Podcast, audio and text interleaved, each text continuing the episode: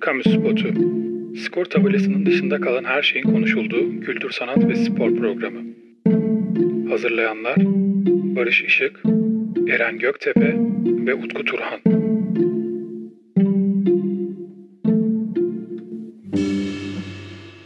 Selamlar herkese. Kamu spotuyla bir kere daha karşınızdayız. Efendim Utku Turhan, Barış Işık ve bendeniz.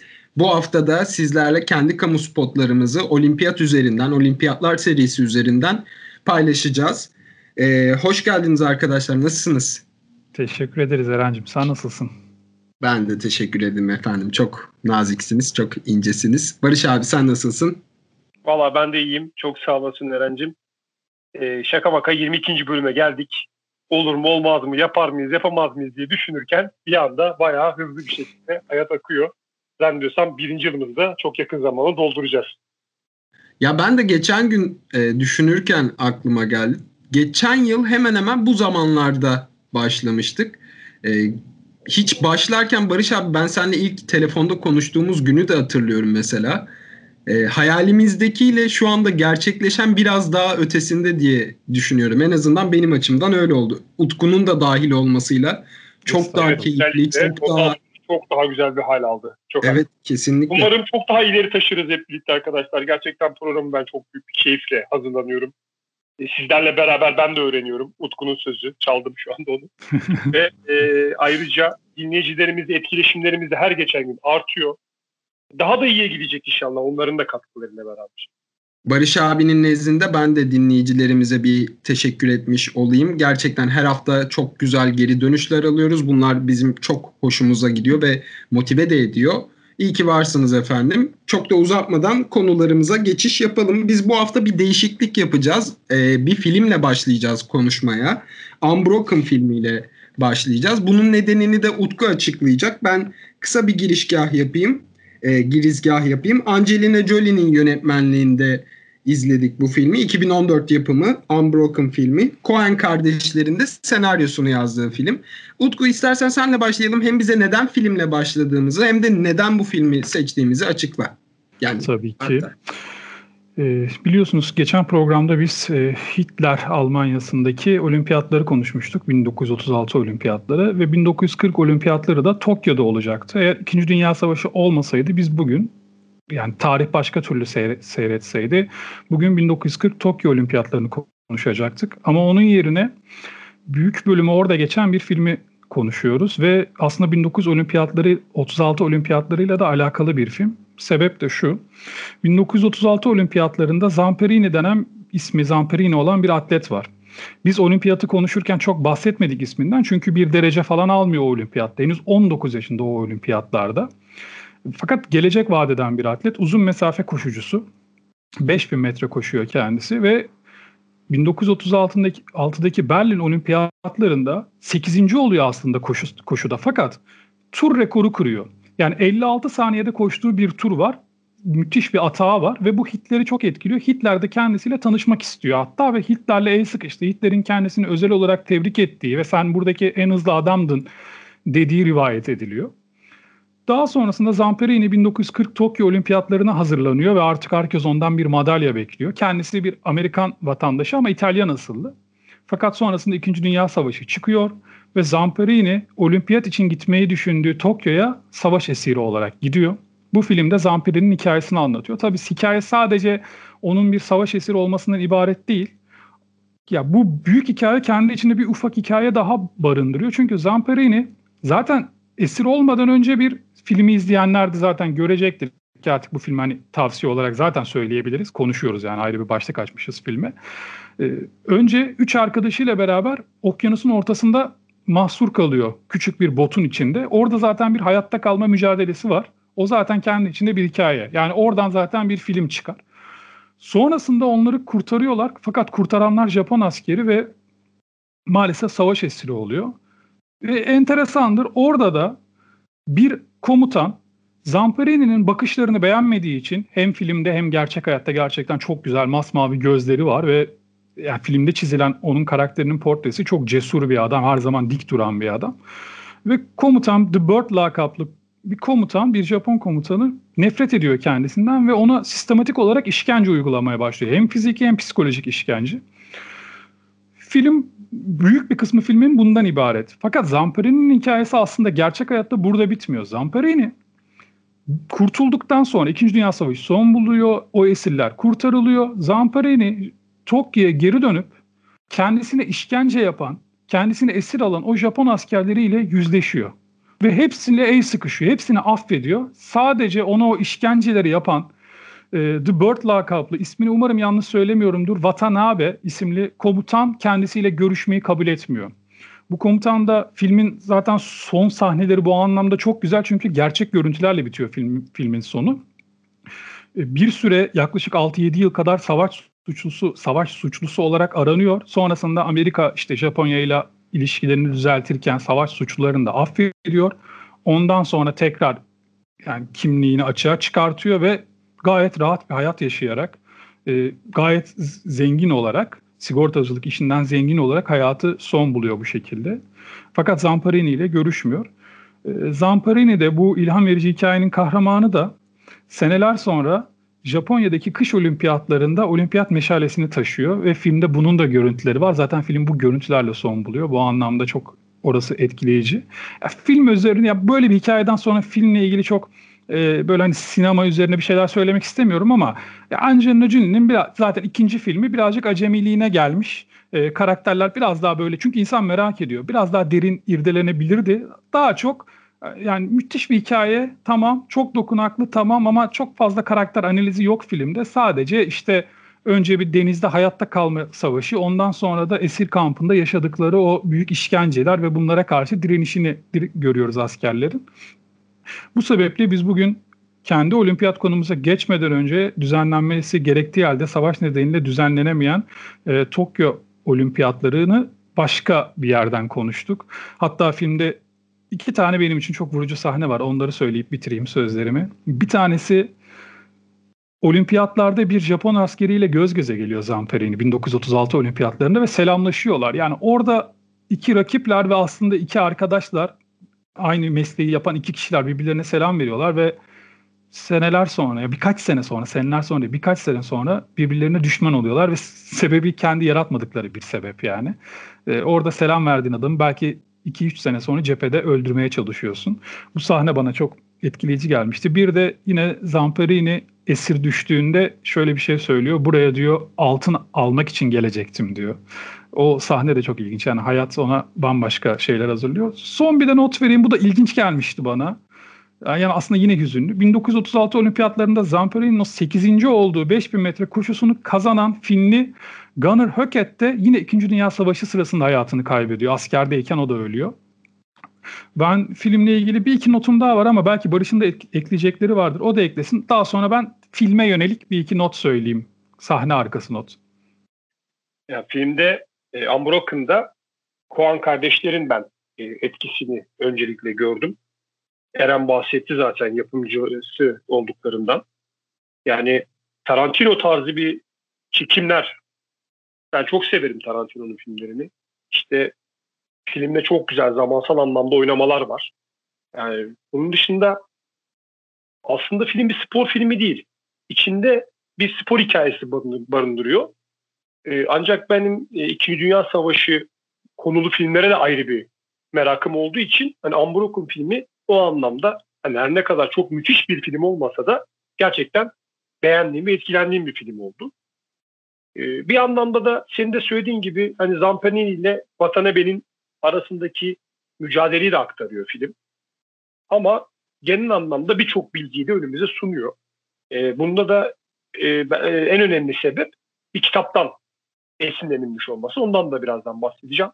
Film İkinci Dünya Savaşı sırasında bir hava mübadelesi sırasında açılıyor direkt karşımıza. E, ve bu esnada da İtalyan asıllı kahramanımızın çocukluğuna iniyor. Tam olarak bitmiyor. İşte bu demin bahsettiğim Tarantino izleri Coen kardeşleri sayesinde burada görüyoruz. İşte onun e, yani Zamperini'nin atletizm takımına nasıl dahil olduğunu izliyoruz. Daha sonra kendisi e, Terence kasırgası lakabını alıyor. İşte Amerikan tarihinin o dönemki en hızlı liseli atleti e, oluyor bir anda kendisi.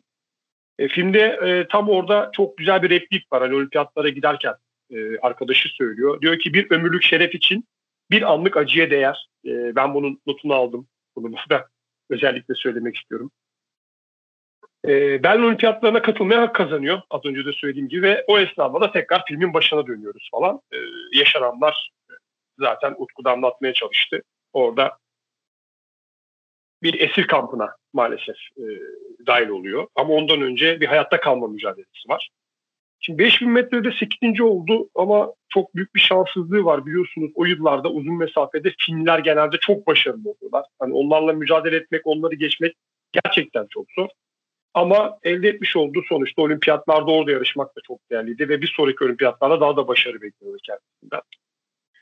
Ee, benim şeyde çok dikkatimi çekti. Yani bu esir düşen iki tane oyuncunun film için müthiş kilo verdiklerini ben gözlemledim. Yani benim böyle oyuncularda e, özellikle biz daha önceki bölümlerde e, konuşmuştuk. Hani Robert De Niro e, bu Jake LaMotta karakterini oynamak için 30 kilo almıştı hatırlarsanız. Bundan bahsetmişti. Yani ben oyuncuların böyle bu tip işte fizyolojik değişimlerine gerçekten çok takdir ediyorum. Yani burada da bu film için de e, böyle özveri olduğunu görüyorsunuz.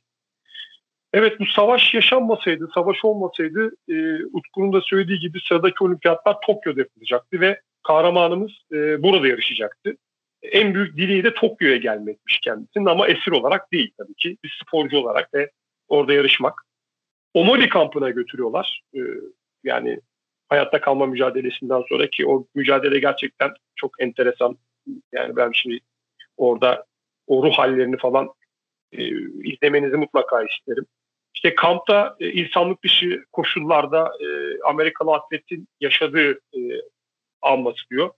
Ve bu asıl e, demin bahsetmiş olduğum o kitap yani Unbroken yine ismini taşıyor. A World War of Survival. Resilience and Redemption ismini taşıyan kitapta asıl bu konu anlatılıyor. Yani bu kampta yaşananlar anlatılıyor. Bunun üzerinden e, filme aktarılıyor. Tabii filmde de biraz daha ben diyorsam detaylandırılmış. E, ayrıca işte filme de referans oluyor kitap. İşte kampta çok büyük yetenekler de mevcut bu arada. Yani sadece Zamperini yok. Bir opera şarkıcısı, işte bir şef e, ve bir olimpiyat sporcusu da orada. E, neden bilmiyorum ama e, savaş kamplarında yaşananlar bu hani onları konu alan filmler benim hep ilgimi çekmiştir. E, ben çok severim. İşte bu mucizevi e, hayatta kalışlar e, bunlar benim için gerçekten kıymetli hikayelerdir. Ve bunun da gerçek olması gerçekten beni çok etkiledi. E, Tokyo radyo yetkilileri e, tarafından ailesi öğreniyor maalesef. E, ailesi e, kahramanımızın öldüğünü e, zannediyor. Çünkü Amerika'da işte BBC ve işte yayın organları dünyadaki işte hep bu e, Zamperini'nin öldüğüyle alakalı e, haberler yapıyor. Ama Japon radyosu kendisinin hayatta kaldığını ve işte yaşamış olduğu kampta e, her şeyin gülük gülistanlık olduğunu aktarmasını istiyor ama e, kahramanımız bunu asla kabul etmiyor ve ondan sonra e, maalesef bunun edeli, bedelini de çok ağır bir şekilde ödüyor. Bunu da e, filmi izlerken e, gerçekten görüyorsunuz. Yani çok acınası bir e, hikayesi oluşuyor sonrasında. Yine savaşın sonuna doğru başka bir kampa tekrar sürükleniyorlar. Çünkü biliyorsunuz müttefikler artık savaşın sonu yaklaşıyor ve e, kampa doğru yaklaşıyorlar. Tabii Japonlar da artık kendilerine kaçacak yer aramaya başlıyorlar ve bu filme kapak olan e, bir sahne var. E, eğer filmin e, posterini ya da kapağını biliyorsanız, gözünüze canlandırıyorsanız hani Zamperi'nin bu kalası elleriyle yukarıda tuttuğu bir sahne. Bu gerçekten çok can alıcı bir sahne. Yani filmin en etkileyici sahnelerinden bir tanesi diyebilirim. E, onun dışında e, işte olimpiyatlarda kazanması gereken başarıyı e, aslında orada e, savaş kampında kazanıyor benim gözümde. Altın madalyayı orada alıyor. Ve e, bu filmin de bu olimpiyatları konu aldığımız programımızın bu bölümüne de cuk diye oturduğunu düşünüyorum. Yani e, tam böyle yerine girdi. Çünkü biz e, maalesef konuşamadık 44 e, olimpiyatlarını e, yapılmadı. Pardon çok özür dilerim 1940 olimpiyatları. Çünkü 44'te de yapılamayacak gerçi ayrı konu. Ve e, devamı var hikayenin. E, kendisi şöyle Japonya'ya geri dönüyor ve kendisini tutsak edenlerle tekrar yüzleştiği ve onlarla barıştığı e, ile ilgili bir film daha var. Onu anlatmayalım. Yani o konuya girmeyelim. Çok uzatmayalım. Dinleyicilerimizi sıkmayalım. Ama böyle bir film olduğundan da bahsedeyim ben. E, bu filmde Tokyo'ya gidiyor. 1950 yılında burada başlıyor hikaye. Bunu da e, ilgilisi meraklısı ilk filmi sevenler mutlaka izlesinler. E, ikinci filmin adı da yine Unbroken e, bunu da e, kefaret yolu olarak e, çevirimi yapılmış bu filminde. E, diyerek ben tekrar Utku'ya bırakayım sözü. Çok çok kısa bir iki ekleme yapacağım filmin biraz e, içeriğiyle yani konusuyla ilgili değil de çekimle ilgili, çekimleriyle ilgili. Çok hoşuma giden bir şey bu söyleyeceğim. Şimdi film e, 15 Aralık 2014'te vizyona girmiş Amerika'da. Filmin kahramanı Zamperini ise 2 Temmuz 2014'te ölüyor. Yani filmin vizyona girdiğini göremiyor. Fakat Angelina Jolie kendi bilgisayarından hastane odasında filmin ham halini yani bizim izlediğimiz halini değil de daha muhtemelen tam kurguya girmemiş halini izletmiş kendisine. Yani kendisi de iz, filmi izlemiş oluyor. Yine Zamperini'nin filmin çekimleri sırasında bir isteği var. Şimdi birazcık o dini inançları gereği Japonları ona kendisini işkence yapanları bağışlıyor ama filmde bunun çok ön planda olmasını istemiyor. Yani dini inançlarının çok ön planda olmasını istemiyor. Bunun sebebi olarak da bağışlayıcılığın evrensel olarak algılanmasını istediği söyleniyor ki bu çok güzel bir e, bakış açısı bence. Filmle ilgili bir bana göre ya eleştireceğim bir şey söyleyeyim ve sonra da çok güzel bir not, notta ile bitireceğim. Ya, filmde birçok şey çok güzel hazırlanmış fakat nasıl atlanmış, niye dikkat edilmemiş bilmiyorum. Askerlerimizin, esir kampındaki askerlerimizin saçları çok iyi tıraşlı. Yani Barış söyledi. Kiloları özenilmiş tamam ama neredeyse sakal tıraşları bile çok şey yani. Yani bu neden atlanmış bilmiyorum. Özellikle saçlar şekil bayağı böyle hani şekilli kesilmiş. Hiçbir şekilde bir yıpranmış bir saç gibi durmuyor. Savaştaki bir esirin saçı gibi durmuyor. Sadece bunu söyleyeyim. Bu dikkatimi çekti. Şöyle de güzel bir notla bitireyim. Şimdi filmde e, Barış da anlattı zaten. Böyle bir zamansal atlamalar var. Hani bilerek yapılmış şeyler. O şekilde kurgulanmış film kendini 1936 olimpiyatlarındaki halini hayal ederken Zamperini orada işte olimpiyat meşalesini taşıyan biri var. O kişi Zamperini'nin öz torunuymuş. E, o, o şekilde çekmişler o sahneyi. Çok hoşuma gitti o detay benim. O şekilde bitirmiş olayım filmi. Bugün aslında konuşacağımız bir başka özel bir insan daha var. O da yine e, bağışlayıcılığını ve affediciliğini bize gösterdi, öğretti. E, buradan Zamperini'yi de bir kez daha e, saygıyla selamlamış olalım. Diğer konuğumuzu, diğer konuşacağımız kişiye de ilerleyen bölümlerde geçeceğiz. Bu arada bu filmi de geçen hafta başlattığımız çekiliş kervanında önümüzdeki hafta bir başka arkadaşımıza e, çekilişe katılan arkadaşımıza hediye edeceğiz. Geçen haftanın kazananını da efendim ilerleyen dakikalarda sizlerle paylaşacağız. Ee, geçiyoruz 1948 Londra Olimpiyatlarına Birleşmiş Krallığın başkentine gideceğiz. Almanya ve Japonya savaş suçluları oldukları için davet edilmiyorlar bu olimpiyatlara. Sovyet Sosyalist Cumhuriyetler Birliği davet edilmesine rağmen katılmıyor, sporcu göndermiyor. Ee, 385'i kadın 4099 olimpistin yer aldığı Londra Olimpiyatlarındayız. Barış abi dilersen senin e, genel olimpiyat notlarına başlayalım ardından da Utku'yla devam edelim. Evet 40 olimpiyatları Japonya'da olacaktı Tokyo'da olmadı dedik. 44 e, Londra'da e, karar kılınmıştı. O da maalesef 2. Dünya Savaşı'nın e, yani sıkıntısıyla yine yapılmıyor ama 1948'de Londra'da gerçekleşiyor bu oyunlar. Ancak yani Londra'nın durumu hatta dünyanın durumu çok vahim. İşte ekmek, giysi ve diğer zorunlu ihtiyaçların karneyle dağıtıldığı çok e, zorlu bir dönemden bahsediyoruz. Yani böyle bir dönemde böyle önemli bir organizasyonu gerçekleştirmek gerçekten çok büyük bir başarı her şeyden önce. İşte e, 1948 olimpiyatları 2. Dünya Savaşı sonrasında oluşan insanlığın en karanlık çağlarından birinin de bitişinin müjdesi gibi aslında. E, çünkü biliyorsunuz olimpiyatlarda sadece insanlar yarışmıyorlar. Orada birçok kültürü, birçok yani birlikteliği sergiliyorlar. Bu anlamda olimpiyatlar bizim gözümüzde her zaman sporun da çok çok ötesinde bir organizasyon. Ee, az önce sen söyledin, e, oyunlara ırkçı ve aşırı milliyetçi ideolojileri doğrultusunda saldırgan politikalarıyla dünyayı kana bulayan iki ülke Almanya ve Japonya katılıyor. Yasaklanıyor daha doğrusu. Yani aslında burada e, sporcularını e, bir anda baktığında yapılan haksızlık gibi gözükebilir ama yani dünya gerçekten kana bulamış iki tane milletin hani o dönem orada olması, yer alması daha kötü sonuçlara da mutlaka sebep olabilirdi. E, o yüzden burayı çok fazla yorumlamadan geçiyorum.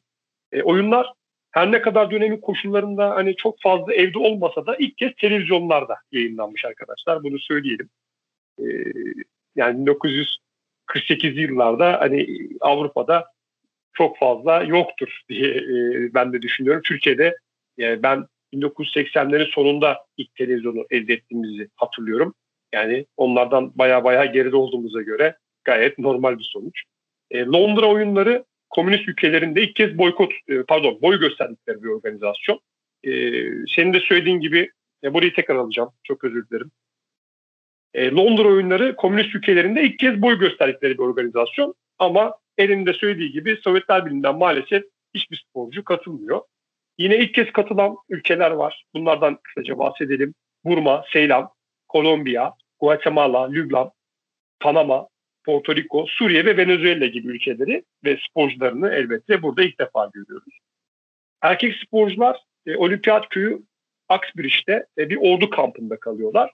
Kadınlar da South Plans'te işte üniversitedeki yurtlara yerleştirilmişler. Bu e, yani İngilizlerin Londra metrosundan Wembley stadına giden bir yolu var. Meşhur Wembley Way olarak geçer. E, bu yolu Alman savaş esirlerine inşa ettirmişler arkadaşlar. Bu da artık bilmiyorum yani e, ilginç diyet mi ödetmişler artık nasıl olmuş. Bu da gerçekten ilginç bir not. Evet, bir bayan atletten e, bahsetmek istiyorum. Gerçekten kendisi çok değerli. E, neden olduğunu da şimdi söyleyince anlayacaksınız. İki çocuk annesi kendisi 30 yaşında. Hollandalı Fanny Blinkers Cohen. E, 4 altın madalya kazanıyor arkadaşlar. Yani e, tabii bu e, madalya kazanması e, normal olabilir sporcu sonuçta ama doğumdan birkaç hafta sonra haftada iki gün sadece stada gidiyor. İşte bebeğini gölge bir yere bırakıyor ve olimpiyatlara bu şekilde hazırlanıyor. E, yani gerçekten müthiş bir şey. Yani e, ve e, aslında şöyle bakıyoruz dört altın madalya kazanan ilk kadın sporcu olarak tarihe geçiyor. Ayrı konu. E, ama hazırlanış noktası bence çok daha kıymetli. İşte kendisine şöyle bir lakap veriyorlar. Uçan Hollandalı ev kadını diye bir lakap alıyor. Ee, 1999 yılında da Uluslararası Atletizm Federasyonu onu 20. yüzyılın en büyük kadın atlet olarak seçiyor. Ee, bu ödüllendirmede gerçekten onu yapılmış olması harika. Birkaç enteresan karakterden bahsedelim. Ee, mesela Fransız konser piyanisti Michelin Ostermayer. Kendisi hem gülle hem de disk atmada altın madalya kazanıyor. Bu da çok enteresan. Yani bir e, konser piyanisti bir olimpistimiz e, de olmuş oluyor. Onun dışında e, bu James Bond'un Goldfinger filmini hatırlarsanız orada kötü bir karakter olan Odd Job vardı. Bu da yine bu müsabakalarda yani bu oyunlarda yarışan halter dalında hatta gümüş madalya kazanan Amerikalı sporcu Harold Sakata. E, kendisinde işte yıllar sonra filmde karşımıza çıkıyor. Filmde görüyoruz. E, Macaristan'ın 1938'de atıcılık dalında dünya şampiyonu olan takımında yer alan Karoli Takovas'ın silah tuttuğu sağ eli aynı sene maalesef bir el bombası nedeniyle parçalanıyor. Yalnız Takovas yılmıyor e, ve sol eliyle silah atmaya devam ediyor. Önce öğreniyor sonra işte antrenmanlar falan yapıyor ve 10 sene sonra geldiği bu oyunlarda altın madalya kazanıyor. Bu da gerçekten büyük bir başarı hikayesi olarak burada notunu düşelim istedim. E, atletizmde de yine sürat koşularında hani 100 metre 400 metre arası olan koşulardan bahsediyorum. E, atletlerin hani startını kolaylaştıracak takozlar ilk kez bu olimpiyatlarda kullanılıyor. E, race filmden bahsettik. Filmi izleyenler hatırlarlar. E, Jesse Owens'ın çıkışı e, takosuz olmuştu. E, oradan zaten direkt e, sporla ilgisi alakası olanlar mutlaka dikkatini çekmiştir diye düşünüyorum. Ve e, Türkiye kafilesinden birazcık bahsedelim. Çünkü e, Türk sporcular tarihi bir başarı elde ediyorlar. Yani o zamana kadar e, biliyorsunuz çok e, yani aman bir başarımız yoktu olimpiyatlarda ama bu olimpiyatlar gerçekten bizim olimpiyatlarımız oluyor. 68 kişilik bir kafileyle katılıyoruz ki bunun 57 tanesi sporcu. Tam 6 branşta e, temsilen oradayız. Atletizm, binicilik, bisiklet, eskrim, futbol ve güreş. Güreş zaten biliyorsunuz en başarılı olduğumuz e, alan ve e, bizim atasporumuz aynı zamanda. İşte olimpiyatlara Türkiye'den katılan sporcular e, çok dediğim gibi büyük başarılar elde ediyor. Özellikle serbest ve greco güreş dallarında 6 altın, 4 gümüş ve 1 bronz madalya kazanıyoruz. Ve bunların yanında bence çok kıymetli atletizmde de bir bronz madalyamız var. Neden? Çünkü atletizmde çok fazla yokuz. Hatta o olimpiyatlardan sonra da olmayacağız uzun bir süre. Ee, burada o yüzden Ruhi Sarıalp ismini e, tekrar yani anons edelim. Kendisi 3 adım atlamada bronz madalya kazanıyor ve tarihe geçiyor. Ee, onun dışında yine güreçlerden bir örnek verelim. Ünlü güreşçimiz birçok e, kişi bilir. Yaşar Doğu. E, şimdi kendisi altın madalya kazandığı için hani olimpiyatlar sonrası ödül olarak ev veriliyor kendisine. Ve bu evi aldıktan sonra da profesyonel sayıldığı için bir daha olimpiyatlara katılamıyor. Ya çok enteresan, çok tuhaf. Yani gerçekten anlamak e, çok ilginç. Yani o zamanki koşullardan mı bakmak lazım, nasıl bakmak lazım bilmiyorum ama yani bu tip hikayeler hep böyle her olimpiyatlarda önümüze çıkıyor. Ama artık yani böyle başarılı sporcuların böyle saçma sapan nedenlerle e, yarışamıyor olması ya da işte atıyorum rekabetten geri kalması gerçekten çok ilginç. E, yine bizim de yer aldığımız futboldan e, da bahsederek ben e, sözlerimi ya daha doğrusu notlarımı burada tamamlayacağım. E, İngilizler ikinci kez e, organize ediyorlar e, biliyorsunuz olimpiyatları ve futbolda İsveç ile Yugoslavya finalde karşılaşıyor. İsveç Yugoslavya 3-1'lik skorla yeniyor ve altın madalya kazanıyor. Milli takımımız e, orada aslında şöyle anlatayım size e, derece elde etmek için oraya gidiyor. Yani iyi bir takımımız var. Birazdan bahsedeceğiz. E, güçlü bir takımımız var ve şöyle bir şeyimiz var, e, iddiamız var. Yani İkinci Dünya Savaşı e, gerçekleşmiş, birçok ülke kan kaybetmiş. Yani biz burada futbolda başarılı olabiliriz diye gidiyoruz. E, 16 takımlı bir organizasyon bu. Ve ilk rakibimiz Çin. Hatta onların karşısında da 4-0'lık bir galibiyetle oyunlara mükemmel bir şekilde başlıyoruz. 3 gün sonra müsabakadan Yugoslavlar e, karşımıza çıkıyor. Çeyrek final artık yani son 8 ve burada da maalesef 3-1'lik bir mağlubiyetle e, elenmiş oluyoruz. Yani Dünya Kupası organizasyonu gibi bir organizasyon söz konusu değil. Eliminasyonlu olduğu için e, o Yugoslavya'da biliyorsunuz az önce bahsettim finalde e, kaybedecek. Yani böyle bir şanssızlığımız oldu. Birazdan devam edeceğim ben. E, Utku'ya bırakalım şimdi sözü. Daha sonra tekrar futbol takımımızla alakalı ve e, çok gerçekten benim de saygı duyduğum bir karakter olan Lefter'le alakalı birkaç kelime ben devam etmek istiyorum. Barış senin Ruhi Sarıalp'i özellikle anman çok güzel oldu. Ben de çünkü ona özel bir bölüm ayırmıştım. Kendisi 3 adım atlamada bronz madalya getiriyor ülkemize. 1984 oyunlarına kadar güreş dışında bize madalya getiren e, tek isim yani güreşi saymazsak 1984'te boksta Eyüp Can bronz madalya alıyor. Fakat yine atletizm dalında değil. Atletizm dalındaki Ruhi Sarıalp'ten sonraki ikinci madalyamız 2004 yılında geliyor. O yıla kadar e, altın şey bronz madalya alan yani olimpiyat madalyası alan tek atletimiz inanılmaz bir başarı. Kendisi daha sonra İTÜ'de spor tarihi ve denizcilik dersleri vermiş. Şöyle bir anekdota rastladım. Öğrencilerinden bir tanesi soruyor. Hocam diyor nasıl aldınız bronzu diyor. Tabii yaşlı o zamanlar artık. Bacaklarını gösteriyor. Bu bacaklar var ya bu bacaklar çok güçlüydüler diyor. Ee, kendisinin yarışma anına ilgili bir hikaye okudum ama birazcık bana şey geldi. Hani kanıt görmediğim için e, doğru diye anlatmıyorum. Sadece böyle bir hikaye var diye anlatıyorum. Atlayışı yapıyor. Kendi derecesinden daha iyi bir derece yapıyor ilk seferinde. Fakat hakemler geçerli saymasına rağmen gidip çizgiye bastım diyor. Doğru mu bilmiyorum ama doğruysa müthiş de bir fair play örneği gerçekten. Ben hayran kaldım. Neyse ki kendisi en azından hayattayken az da olsa değeri bilinmiş. Ee, hem İTÜ'de ders vermiş kendisi hem de buradan Fenerbahçe'ye gerçekten bir teşekkür etmek lazım. Barış da ismini andı. Fenerbahçe hem Lefter'e bence camiye olarak sahip çıkmıştır, gereken değeri göstermiştir. Hem de Ruhi Sarıalp'e aynı şeyi göstermiş. E, Fenerbahçe onun ismini e, Lefter tesislerindeki atletizm pistine vermiş adını. Bu arada tesislere de Lefter'in ismini vermişler ki Lefter'den de birazcık bahsedeceğiz zaten bugün yine. Bir de şöyle ilginç bir e, şeye rastladım ben çalışırken bu konuları bir bilgiye rastladım. Şimdi bizi bu olimpiyatlarda bir tane kadın atlet temsil ediyor. Üner Teoman. Fakat kendisi için olimpiyatta bizi temsil eden ilk Türk spor, ilk Türk kadın sporcu bilgisi geçiyor bazı kaynaklarda. Oysa ki biz geçen programımızda 1936 olimpiyatlarını konuşurken orada bizi te- temsil eden hem Halit Çambel hem de Suat Fetgeri'den bahsetmiştik. Şu geldi benim aklıma. Acaba dedim şu yüzden olabilir mi? Şimdi Halit Çambel zaten Almanya doğumlu. Suat Fetgeri de 1916 doğumlu olduğu için ve henüz Türkiye Cumhuriyeti kurulmadığı için acaba Osmanlı doğumlu kabul edilerek mi böyle bir bilgi geçtiği diye düşündüm ama yine mantıklı değil. Sonuçta bunlar Türkiye adına oralarda yarıştılar. Ya 1936 olimpiyatlarında Türkiye Cumhuriyeti vardı ve bu iki kadın atletimiz Türkiye adına yarıştılar. Dolayısıyla ben bu bilginin hatalı olduğunu düşünüyorum. Üner Teoman bizi atletizmde temsil eden ilk kadın sporcumuz. Doğru ama olimpiyatlarda temsil eden ilk kadın sporcumuz değil kendisi.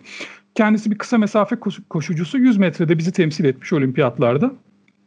Bir de şöyle bir son notum var. Hürriyet gazetesi olimpiyatlarda kürse alan sporculara o dönem birer saat hediye etmiş. Ee, umarım bu daha sonrasında o sporcuların profesyonel olduğuna bir gösterge kabul edilip de o sporcular sonraki olimpiyatlardan men edilmemişlerdir. Efendim biraz önce de bahsettik. E, Luis Zamperini'den konuşurken bugün bir başka önemli figürden, bir başka önemli spor insanından konuşacağımızı söylemiştik. E, 1948 Londra Olimpiyatlarında Türkiye milli takımı, futbol milli takımında hem orada boy göstermiş hem de e, başarılarını, tarihte bıraktığı yeri zaten uzun uzun değilse de birazdan konuşacağız. Lefter Küçük Andonyadis'ten bahsedeceğiz efendim. E, Ordinarius'umuzdan konuşacağız. E, Barış abi sen hem bize Londra Olimpiyatlarında milli takımımızı hem de herkesin hepimizin bildiği üzere 13 Ocak ölüm yıl dönümü olan Ordinarius'tan bahsedebilir misin? Ya şimdi gerçekten çok harika bir takım. Yani Yugoslavya'ya çeyrek finalde eğleniyoruz ama yani ben şimdi şöyle bir çırpıda size e, ilk 11'imizi tabi o zamanlar biliyorsunuz 12. 13. oyuncular olmadığı için 11'imizi şöyle sayayım işte Erol Keskin var, Murat Alyüz, Vedi Tosuncuk, Selahattin Torkal, Bülent Eken ki Bülent Eken yıllar sonra biliyorsunuz yani bu o günlere dair birçok şey öğrenmemizi sağladı. Yazılarıyla olsun, fikirleri ve düşünceleriyle bu günlere aktaran e, Bülent Eken'dir bu e, yaşananları. Onun dışında Fikret Kırcan, Cihat Arman, Cihat Arman'ı bilirsiniz arkadaşlar. Fenerbahçe'nin o meşhur kalecisi hatta Kanarya denmesinin sebebi de odur. E, Gündüz Kılıç var. Ya yani bu da çok değerli, çok kıymetli. E, Lefter var, Hüseyin Soygun var ve Şükrü Gülesin var.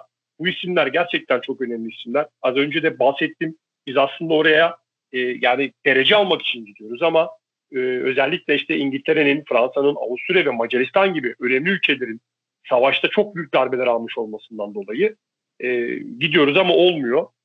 Ve e, hatta şöyle bir enteresan bir olay yaşanıyor bu Yugoslavya maçında. E, Atatürk'e bir küfür ediliyor diyor, rakip e, oyuncular tarafından. E, ve e, bu edilen küfürden sonra e, Bobek zannediyorsam bu oyuncunun ismini yanlış hatırlamıyorsam e, orada Şükrü Gülesin gidip ona tekme atıyor. Bundan dolayı kırmızı kart görüyor. Ve akabinde yine bir oyuncumuz daha kırmızı kart görüyor yine bu olayların devamında. Yani biz belki de e, işte günümüz koşullarında e, oynasaydık, hani 11'e 11 devam edebilseydik belki de bu sonuçla karşılaşmayacaktık. Belki devam edecektik ve finalde belki İsveç'te biz oynayacaktık. Yani çok müthiş bir başarı olurdu e, bizim için. Ama maalesef e, bu şansı kaybettik. Ve e, hemen Lefter'e geçelim. Gerçekten o takımın e, yani birçok önemli oyuncusunun içerisinde yani Lefter'i seçmemizin de özel sebebi az önce sen de bahsettin hani 13 Ocak onun ölüm yıl dönümü olduğu için ve bu takımda da gerçekten güzide oyunculardan biri olduğu için. Şöyle ki 22 Aralık 1925'te doğuyor Lefter. Yoksul bir Rum e, balıkçısının oğlu olarak dünyaya geliyor. Ama Büyükada'da e, dünyaya geliyor. E, ailesi e, onun okuyup adam olmasını istiyor ama o futbol oynayarak adam olmayı ve okumayı seçiyor. Şöyle ki Ordinarius lakabını kazanıyor. E, üniversitelerde almadığını futbol sahalarında alıyor öyle söyleyelim. İşte yıllarca giydiği Fenerbahçe formasıyla alakalı ben o formayı sırtımda değil başımda taşıdım diyor. Yani ben Fenerbahçeli değilim. E, hangi takımı tutuyorsanız hangi re- renklere sevdalıysanız e, olun ama yani bir futbolcunun bir takım için böyle bir söz söylemesi gerçekten beni çok gururlandırıyor. Ben Fenerbahçeli olsaydım yani bu söz karşısında e, çok duygulanırdım diye düşünüyorum. E, yani bu adam neyi varsa kulübe bağışlamış bir adam.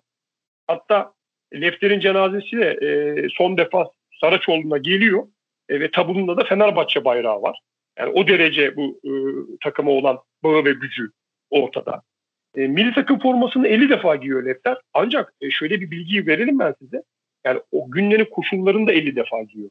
Yani Lefter bugün olsaydı bunu en az 3'e çarpın. Yani 150 defa giyer. Belki daha fazla. Hazırlık maçları falan filan. O zamanlar biliyorsunuz çok fazla yok. Zaten 2. Dünya Savaşı yüzünden ne Dünya Kupası yapılmış ne Olimpiyatlar yapılmış. Doğru maç bile oynanmamış. Yani öyle bir dönemde gene çok büyük bir başarı.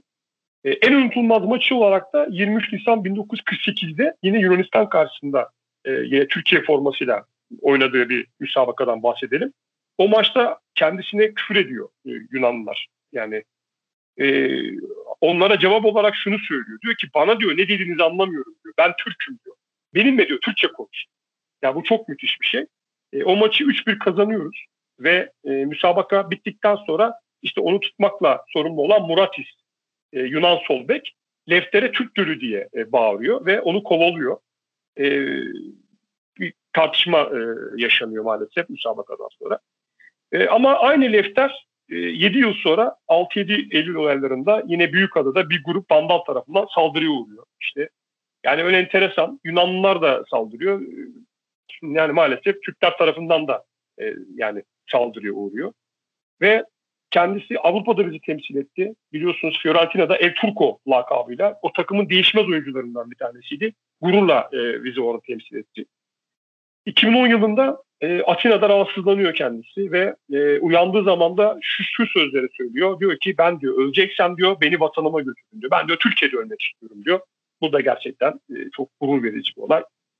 E, 17 yaşında varlık vergisi yüzünden bütün akrabalarını toplama kamplarına gönderilmiş bir insan. İşte ailesi yoksul diye verecek bir mal varlığı bulunmadığı için de yurdunda kalabilmiş. E, gönüllü olarak askere gitmesi hatta bunu 4 sene boyunca yapması ki e, yani ben eminim onun evini e, saldıranların hiçbir tanesi e, 4 sene askerlik yapmamıştır. Yani sözde vatansever öyle çok insan var biliyorsunuz arkadaşlar bizim ülkemizde. Yani kendini milliyetçi ve vatansever olarak görenler. Hatta e, belki ilerleyen programlarda konuşuruz. Yani Lefter askerliğini e, yaptığı Diyarbakır'da da futbolun e, yani gelişmesi için çok katkıda bulunmuş. Yani oralarda da hizmetleri söz konusu. Tabii çok uzatmamak için artık oralara girmiyorum ama e, şu anekdot çok önemli. Yani devrim koşullarına göre artık gönüllü olarak askere gidip 4 sene orada kalması çok çok kıymetli. Onun dışında e, yine vefatından kısaca e, bahsedelim. Yine 13 Ocak 2012 az önce de söyledik hayatını kaybediyor ve taburunda Fenerbahçe bayrağı ve Türk bayrağı mevcut. E, biz kendisini rahmetle analım. E, gerçekten çok büyük bir futbolcu, çok büyük bir e, yani oyuncu, çok karakterli bir şahsiyet. Yani Fenerbahçe'de gerçekten çok şanslı böyle bir futbolcuya sahip olduğu için. Umarım bu tarz oyuncuların sayısı artar diyerek ben sözü Utku'ya bırakacağım. Lefter'le ilgili hem söylenecek çok fazla şey var hem de yani hiçbir kelime herhalde onu anlatamayacağı için ki adamı anlatabilmek için belgesel çektiler, kitap yazdılar. O yüzden e, önce bir iki not vereyim. Jübilesi yapılan ilk futbolcu kendisi. Bonservis bedeliyle yurt dışına transfer olan ilk futbolcu. Sen zaten lakabından bahsettin ki Türkiye'de o lakabı alan profesör sayısı yüz yok yani. Öyle özel bir adam Lefter. Ya birazcık değindin. Çok detayına girmek istemiyorum. Ama şu anlatılır. Nebil Özgen Türk Lefter belgeselini çekerken Lefter bir yerde kamerayı kapalı mı diyor. Yani kamerayı kapatır mısın diyor ve sonrasında yaşadığı şeyi kamera kapalıyken anlatıyor. Yani ya bu nasıl hem duyarlılık hem nasıl bir haksızlık yapılmış ki hala bile kamera açıkken söyleyemiyor onu. Kameranın kapatılmasını istiyor. Beni çok etkilemişti bu. Nasıl büyük bir sporcu olduğunu, nasıl büyük futbolcu olduğunu çok anlatmaya gerek yok o yıllardan günüm mesela biz bu programda geçen programlarda Bekir Refet'i konuştuk. Ben dedim ki kaynak bulamadım. O kadar aradım bulamadım dedim. Ama işte Lefter o kadar büyük bir isim ki her türlü kaynak var. Kitap yazılmış, belgesel çekilmiş. Çünkü o kadar büyük bir adam. Yani bu olaylarda hep aynı şeyi söylüyorum. Birilerini suçlamak çok önemli değil. Keza mesela bir filmi konuştuk ya orada da işte Japon askerleri çok kötü işkence yapıyorlar. Ya buradan artık o günleri yargılamak ne bizim haddimize düşer ne de bizi doğru sonuçlara götürür. Sadece okuyalım, anlayalım ve tekrarlanmasın bir daha bu olaylar. Ya senin milli formanı giyen futbolcunun evi senin insanların tarafından nasıl taşlanabilir? Ya kendini bu kadar sana aidiyet duygusu ya hissetmeye de bilirdi bu arada. O ayrı. Milli formanı giyip ben hani sizin formanızı giyiyorum ama işte mesela Mesut Özil gibi hani Almanya forması giydi ama ne diyor? Ben Türk'üm, Türkleri seviyorum, Türkiye'ye geleceğim. Nasıl diyorsa Lefter de bunu yapabilirdi. Ama tabii işte günümüz koşullarıyla o zamanın koşulları aynı değil. Son bir küçük e, bilgi verip bitireyim. Bu varlık vergisinden bahsettin. O verginin çıkmasına ön, aya, ön ayak olan kişilerden bir tanesi suçlamak için söylemiyorum. O dönemin şartlarını bilmiyoruz. Sadece hani nasıl bu, bu dönemden bakıp yargılamanın nasıl yanlış bir şey olduğunu anlatmak için söylüyorum. O vergi kanununun çıkmasının sağlayan, bunun için çaba sarf eden insanlardan bir tanesi Şükrü Saraçoğlu. Yani Lefter Fenerbahçe'de oynarken de onun başkanlığını yapmış bir adamdan bahsediyoruz burada. 16 yıl sanırım ya 15 ya 16 yıl Fenerbahçe başkanlığını yapmış bir adamdır Şükrü Saraçoğlu. Onun da öne yak olduğu bir kanun sebebiyle e, Lefter'in e, ve ailesinin en azından Lefter'in kendi ailesi fakir olduğu için onlar çok bir zarar görmüyorlar ama bazı akrabalarının ciddi zararlar gördüğü söyleniyor bu varlık vergisinden dolayı. E, umarım bir daha olmaz. Gerekli dersleri çıkartırız ve biz Lefter'in sadece futbolunu, kişiliğini, sporcu kişiliğini konuşuruz. Çok çok çok büyük bir isim. Ben bir Galatasaraylıyım. Hay çok hayıflanıyorum. Keşke diyorum Galatasaray futbolcusu olsaymış. O kadar kıskanıyorum yani kendisini.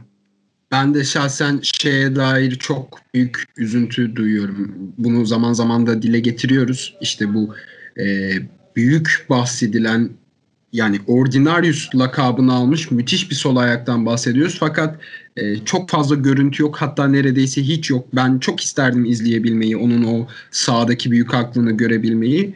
E, göremiyoruz maalesef. Buradan bir kez daha saygıyla, rahmetle analım Lefter Küçük Andon Şöyle, efendim. Eren'cim çok kısa bir araya gireyim. Şöyle bir şey okudum Lefter'le ilgili. Bir çocuğun dedesi Lefter'le futbol oynama şansına erişmiş. Yani bir hazırlık maçı gibi bir şeydi. Böyle resmi bir müsabaka değil ve şöyle anlatmış dedesi. Hani adamı tutamıyoruz. En azından foul yapalım dedik. Foul yapmak için de yetişemedik. Yakalayamadık.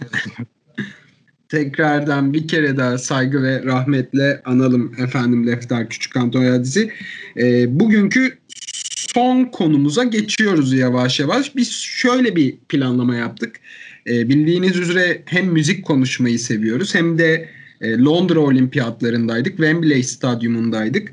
E, Londra'nın, İngiltere'nin belki de Wembley'in en büyük konserlerinden birini vermiş olan Queen'in We Are The Champions şarkısını konuşmak istedik. Çünkü e, spor için yazılmış mıdır, yazılmamış mıdır onu birazdan değerlendiririz ama e, nefis bir şarkı. Benim şahsen en sevdiğim Queen şarkıları arasında ilk üçe girmez. Bunu da peşin peşin söyleyeyim. Fakat yine de bunu konuşmak istedik. Ben sözü ilk olarak sizlere vereyim. En sonda kapatırken bilmiş bilmiş bir iki tane e, Queen anekdotu paylaşayım sizlerle. Buyurunuz. Şimdi ben başlayabilir miyim Barış izninle? Tabii ki ben müzik olduğu zaman susuyorum abi. Estağfurullah. Estağfurullah. ya bir yerde Champion ya şunu söyleyeyim. Kimin olduğunu herhalde kendim için ama hepinizin böyledir hikayesi. Kimin söylediğini bilmeden bilinen bazı şarkılar vardır ya. Yani şarkıyı bilirsin kimin söylediğini çok sonradan öğrenirsin. Bu şarkı öyle bir şarkı. Dünyanın her yerinde söylenir. Ufacık çocuklar da bilir. E, çünkü bütün spor müsabakalarında o kupa seremonisinde bu çalar. Ki 1994 Dünya Kupası'nın artık resmi şarkısı bile olmuş. Böyle bir şarkı.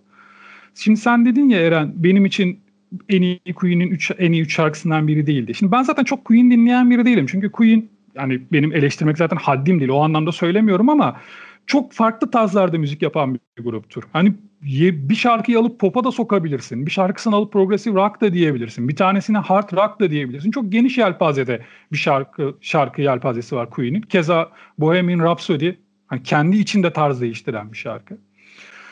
Ee, bu şarkı da aslında argo tabirle hani piyasa bir şarkı. Yapılma amacı da bu. Tıpkı albümde ondan bir önce yer alan şarkı gibi We Will Rock You gibi. Amacı gerçekten zaten top, topluca insanların söylemesi. Hani öyle inanılmaz böyle vurucu sözleri, altında böyle derin felsefi sözleri olmayan bir şarkı diye planlanıyor normalde. Yani Brian May böyle bir şey istiyor Freddie Mercury'den. Ben diyor We Will Rock You yaptım bu al bu işte e, single'ın ikinci şarkısı da bu tarz bir şey olsun diyor. Ama tabii Freddie Mercury yazınca çok o kadar da düz olmuyor sözleri. Normalde düz olması lazım bu şarkının türü itibariyle ama o kadar da düz değil. Sözleri de çok güzel şarkının. E, ve evet belki yapılış amacı piyasa bir şarkı olsun diye yapılmış ama olmuş mu olmuş. Piyasa olsun diye yapılan pek çok şarkı albüm vardır. Hiçbiri bu seviyeye çıkamamıştır. Ya inanılmaz bir şarkı. Her yerde çalınıyor. Her yerde dinleniyor. Ee, ve şöyle bir şey var bu şarkı. Şimdi We Will Rock You'yu single'a koyuyorlar. Çok kısa bir şarkı o. Ve ilk defa bir single'da benim bildiğim radyoda ki zaten genelde bu tarz parçalar o dönem hep radyolarda çalsın diye yapılmış. İkisini beraber çalıyorlar. Yani We Will Rock You'dan hemen ardından e, radyolarda bu şarkı da çalıyor. Bu anlamda da enteresan bir şarkı. Keza yine Queen'in bütün hemen hemen bütün konserlerinin kapanış şarkısı yine We Will Rock You ile beraber. Çünkü dediğim gibi zaten yapılış amacı bu. Bütün seyirci seyirciyle bütünleşmesi grubun ve seyirciyle birlikte söylemek üzerine yapılmış bir şarkı. Fazlasıyla vermiş bunun hakkını. Yani bir benzeri daha var mıdır? Benim aklıma gelmiyor gerçekten. Bu kadar böyle Ha sen şeyi sordun ya mesela üstüne konuşuruz dedin. Spor müsabakaları için yapılmış mı? Ben Freddie Mercury'nin röportajında evet bunu da düşündüm diyor aslında. Ee, ama benim de düş yani bana de ki en sevdiğin 10 tane rock şarkısını söyler misin de evet ben de bu şarkıyı saymam. Fakat o en sevdiğim 10 tane rock şarkısını bir yerde duysam We Are The Champions'ı duyduğum kadar kolay tanıyamayabilirim ve o, bunu eşlik edeceğim kadar da keyifle eşlik etmeyebilirim o şarkıyı. O kadar sevdiğim yani 10 şarkı listesi yapsam hiçbirine herhalde buna eşlik edebileceğim kadar coşkuyla, keyifle eşlik edemem. Öyle bir şarkı. Saygı duyuyorum, takdir ediyorum. Müthiş bir iş yapmışlar gerçekten de. Yani ben biraz o anlamda katkı sunmaya çalışayım. Yani sporla ne kadar alakası var? Ya da spordan ne kadar düşünülmüş? Yani öncelikle bir marş aslında bu. Yani şarkıdan çok marş gibi. Utku'nun da söylediği üzere özellikle konserlerinin kapanış şarkısı olması hani hep birlikte bunu söyleyelim. Bu şarkıdan çok bir marşa dönüştürmüş olayı. Ve e, yine çıkış noktasına bakıyoruz. Yine spor efsanesi aslında var. Bu 1977'de Birmingham konserinin sonunda You Will Never Walk Alone eşliğinde yine bir şeyler çığırılıyor falan. E, işte herkesin şarkıyı birlikte söylemesinden de bir ilham alıyorlar. E, bu az önce bahsettin ya We Will Rock You. İşte Brian May bunu yazıyor. Freddie Mercury de e, We Are The Champions'ı besteliyor. Ve e, yine Freddie Mercury'nin şöyle bir e, röportajından kısa bir kesitten okumak istiyorum. Belki e, soruya, Eren'in sorusuna bir cevap olabilir bu. E, diyor ki Freddie Mercury şarkıyı yazdığımda diyor aklımda futbol vardı e, taraftarları yakalayacak, herkesin katılacağı bir şarkı olsun istiyorum. Tabii ki klasik bir futbol şarkısından daha çok tiyatral incelik kattım. Galiba biraz da e, benim My Way versiyonum olsun istedim. E, bunu yaptık ve e, şarkıda söylediğimiz gibi kesinlikle kolay değildi e, diyerek sözlerini bitiriyor. Yani e, bu anlamda baktığınızda evet e, bir spor şarkısı diye planlanmamış gibi gözüküyor belki ama e, içinde mutlaka ögelerinin olduğu, e, dokundurmalarının olduğu var. Bunu zaten işte gördüğünüz gibi Freddie Mercury de burada aklında futbol olduğunda e, belirtiyor. Eren'ciğim. Yani bilmiyorum. Ben biraz daha bu şarkıyı aslında e, Utku'nun verdiği doneler de çok önemli. Hani e, We Will Rock You gibi e, stadyumu dolduran kalabalığı gaza getirsin, onlara bir marş verelim diye yap, yapalım ifadesini kullanıyor Brain May. Fakat e, Freddie Mercury öyle sözler yazıyor ki daha çok hep birlikte söylenecek bir ağıtmış gibi me geliyor benim. İşte I paid my dues diye başlaması, e, No time for losers diye e, bitirmesi gibi gibi etkenleri sıralayabiliriz. 77 çıkışlı News of the World albümünde yer alıyor şarkı. Tartışılır şarkının performansı ve best of'luğu fakat e, Mercury'nin özellikle son konserlerinde verirken ki o bağırışı, o seslenişi beni her zaman için çok derinden etkilemiştir. Zaten bugün tavsiyemi de bir Queen konseri üzerinden yapacağım. Sürprizi de bozmayayım tabii ki. Yine de ben şeye ikna olmadım Barış abi. Onu da dile getireyim. Bunun bir e, spor şarkısı olup olmadığına ikna olmadım. Senin bütün donelerine rağmen.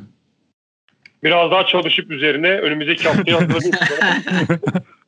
ya şarkının da şöyle bir triki var onu da söyleyeyim. Hepimiz bu şarkıyı ben de öyle hala öyle zannediyorum. Şarkının son sözünün off the world olduğunu düşünüyoruz. Ben hala öyle düşünüyorum ama şarkı öyle bitmiyor aslında. Ama şarkıda öyle güzel bir trik var ki şarkının orta nakaratlarında hep hani Freddie Mercury'nin tabii müthiş sesi hiçbir, hiçbirimiz herhalde öyle tonlayamayız. O özelliğine ben çok takdir etmişimdir. Bazı kelimeleri öyle bir vurguluyor, öyle fısıldar gibi ama güçlü bir sesle de söylüyor ki e, taklidi imkansız, etkileyicine ulaşmak imkansız. Onun off the world dediği anda sanki şarkı bitiyormuş gibi geliyor. Bana her seferinde öyle geliyor. Bilmeme rağmen şarkının hani uzunluğunu, sözlerini. Sonra şarkı devam ediyor. Şarkının son sözü off the world değil ama herkesin aklında öyle kalmıştır. Yani herkes öyle bitiyor zanneder bu şarkıyı. Ya şöyle bir şey oldu Utku sen söylerken bu doneyi verirken ben de kafamda şarkıyı e, canlandırıyorum. Ya diyorum aslında Off the World diye bitmiyor mu? Plan diye hatta Google'dan da şu anda Lyrics'e bakıyordum. Fakat haklısın sanırım. Efendim dilerseniz şimdi e, bu kadar konuştuk. Sizler de Queen'in, Freddie Mercury'nin bu eşsiz yorumunu dinleyin. Çünkü e, biz bu haftanın şampiyonlarını açıklayacağız. Bildiğiniz üzere geçen hafta bir e, çekiliş yaptık. Gladiator, Metin Kurt'un anlatıldığı Gladiator kitabını ve The Think Up DVD'sini bir şanslı dinleyicimize e, hediye edeceğimizi söylemiştik. Bu haftanın kazananı Tolga Güler oldu. Tolga Güler sen e, bu haftanın champion'ısın arkadaşım. E, dilersen Barış abi sen de bu hafta yapılacak çekilişte e, ne hediye edeceğimizi dinleyicilerimize aktarabilirsin. Evet, öncelikle Tolga Güler e, arkadaşımızı e, yani tebrik ediyorum. Kendisi uzun zamandır bizim programımızı dinleyen biri. E, ben tabii sivil hayattan tanımıyorum kendisini ama sağ olsun birçok programımızı dinliyor ve bize çok güzel yorumlar yaparak bizi motive ediyor. E, tabii kazanmış olmasının bununla alakası yok. Tamamen e, çekiliş, şans e, kendisine güldü. Bunu da belirtelim ve her hafta bu çekilişlerimizde mümkün mertebe devam edeceğiz. E, öneriler kısmında şu şekilde ben e, anlatacağım size. Yani önereceğim önerdiklerimiz de yine bu haftaki hediyeler e, içerisinde olacak. Bunu da e, dinleyicilerimize e, belirtelim. E, öncelikle e, bu günkü programımızda Lefter'den bahsettik, konuştuk. E, kendisiyle ilgili gerçekten çok güzel sözler söyledik. Dedik ki e, o zaman kitabımızı Lefter'den hediye edelim. Kendisiyle alakalı iki tane e, çok güzel kitap mevcut. E, bunlardan bir tanesi e, futbolun ordinarüsü e, olarak geçiyor. Haluk Ergün'ün yazdığı NTV yayınlarında hatta içinde belgeseli de mevcut. Bu kitabı hediye etmeyeceğiz ama ben bu kitabı öneri olarak sizlere sunuyorum. Bizim hediye edeceğimiz kitap ise gerekli kitaplardan çıkmış. Murat Dural imzalı yine Defter ismini taşıyan bir kitap. Gerçekten bu da hayatıyla alakalı bilgi edinmek isteyenler için bir tavsiye olsun ve bir kişiye hediye edeceğimizi de buradan belirtelim. E, film olarak da bugün Unbroken'ı konuştuk. Yine e, onun DVD'sini bu hafta yine aynı kişiye yani o bir şanslı kişiye edeceğimizi söyleyelim. E, filmin de aynı zamanda içerikleriyle alakalı e, zaten bol bol konuştuk. Filmde e, DVD'sinde Türkçe dublaj ve altyazısının da mevcut olduğunu da e, belirterek e, bu haftaki önerilerimi burada sonlandırayım. Ben de ya aslında tek bir önerim olacak ama bu kadar Queen'den bahsetmişken tabii Bohemian Rhapsody filmini mutlaka izleyin. Güzel film olmuş. Hatta o filmle ilgili şöyle bir şey olmuştu. Filmin son sahnesi tamamen konser sahnesi zaten. Bir 15-20 dakikalık bir sahne ve gerçek konser görüntüleriyle falan YouTube'da kıyaslamaları falan var. Hani çok iyi uyarlamışlar. Çok hoşuma gitti benim. Her şeyi birebir uyarlamışlar, kopyalamışlar neredeyse. Mükemmel olmuş. Biz filmden çıktığımızda yanındaki arkadaşımla şeyi konuştuk ya hani şu konserler bir barda falan bir perdeye yansıtılıp canlı verilse de yani canlı derken yani gör, görüntüler verilse de baştan sona konser kaydı. Biz de konserdeymişiz gibi gidip izlesek sen böyle bir şeye para verir misin bilet parası? Dedi verir valla dedim ben de veririm. Hani çok etkilenmiştik. Özellikle sinema ekranında o büyük ekranda o konser sahneleri çok güzeldi. Umarım bir gün öyle bir şey de olur. Sadece sahnede mesela şöyle ufak bir tutarsızlık vardı ki bunlar da normal filmin etkileyicini arttırmak için yapılmış şeyler. Freddie Mercury filmde gelir, piyanonun başına oturur, biraz tedirgindir. Piyanoya bakar, seyirciye bakar falan. Gerçekte konserde hiç öyle bir şey yok. Canavar gibi oturup hemen çalmaya başlıyordu zaten. Sadece onu söyleyeyim. Film tavsiyemiz, ya benim tavsiyem Bohemian Rhapsody olsun. Ya kitap olarak da ya benim gerçekten bayıldığım bir kitap. Benim eski kız arkadaşıma da ben okutmuştum. O da çok sevmişti. Ben hep şey derim biraz böyle hani eril bir dil olacak ama aslında bir erkek kitabıdır bu derim.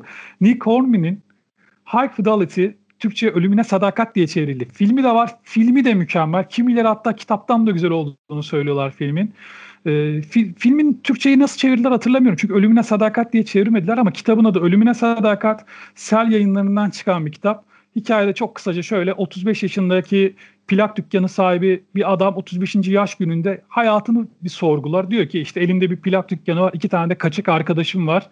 Sadece işte hayatta her şeyin 5 listesini yapıyorum. Top 5 listesi işte en sevdiğim 5 şarkı, en sevdiğim 5 balat falan deyip hayatının bu zamana kadar yaşadığı en büyük, en güzel 5 ilişkisini çıkartıp o kadınlarla tek tek yüzleşmeye başlıyor filmde ve kitapta. Çok güzel bir hikaye ve şiddetle tavsiye ediyorum. Neden bunu tavsiye ettiğimi de bir cümleyle söyleyeyim.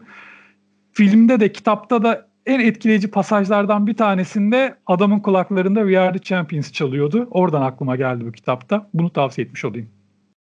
Ya ben çok özür dileyerek araya gireceğim. İki tane önemli konuyu unuttum müsaadenizle. Birincisi e, kazanan talihimiz Tolga Güler'in bizimle irtibata geçmesini he, tabii ki rica edeceğim adres bilgilerini size e, göndermesini. Onun dışında e, ikinci olarak da e, yani bugün Diğer Champions'da konuştuk. Onunla ilgili de yine Sencer Yücel'in çok kıymetli, çok güzel bir yazısı var Sokrates dergide. Hani ilgilisi ve meraklılarının e, biraz daha hani The Champions'la alakalı bilgi edinmek isteyenlerin de ben bu yazıyı okumalarını mutlaka öneriyorum diyerek sonlandırayım. Ya bu arada Utku e, ben Bohemian Rhapsody'yi o kadar film olarak o kadar beğenmesem de Rami Malek'in Freddie Mercury performansına gerçekten bayıldım. Yani zaten sevdiğim bir oyuncudur ama e, tabii ki oraları dublaj kullanmaları, o sesi taklit edemeleri, memelerini anlıyorum fakat birebir kopyalamayı, o delicesine oynamayı çok beğendim. Ağzım açık izlemiştim. Onu da ifade etmek istiyorum. E, benim önerim de şu olacak. 1981 Montreal konserini Queen'in önereceğim. Benim Ataberk diye sevdiğim bir arkadaşımla o da çok büyük bir Queen hayranıdır. Konuşurken e, kendi en sevdiğim Queen performansı olan bu filmde de geçen Live 8 performansından bahsetmiştim. O da bana abi hayır Montreal'i izle ve fikrin değişecektir emin ol. Çünkü Live 8'te aslında o kadar da iyi çalmıyorlar. Sen öyle sanıyorsun gibi bir e, tenkinde bulunmuştu. Ve bugün programa kayda başlamadan önce de e, itiraf ediyorum Montreal'i izliyordum ben de ve inanılmaz bir performans. Henüz Freddie Mercury hastalanmamış, henüz formundan düşmemiş. Şahane bir performans. Bir saat yaklaşık e, konser süresi. Herkese de hazır Queen konuşmuşken bunu da önermiş olayım. Efendim bizden bu haftalık bu kadar. Yine çok keyifli yine dolu dolu bir program geçirdik. Süreyi biraz aşmış olursak da lütfen bize affedin. E, haftaya yine kendi kamu spotlarımızı, yine olimpiyatları yine sizlerle paylaşacağız. Plese dergiyle kalın efendim, esen kalın. Görüşmek üzere arkadaşlar. E, retweet yapmayı unutmayın kitabı istiyorsanız ve filmi.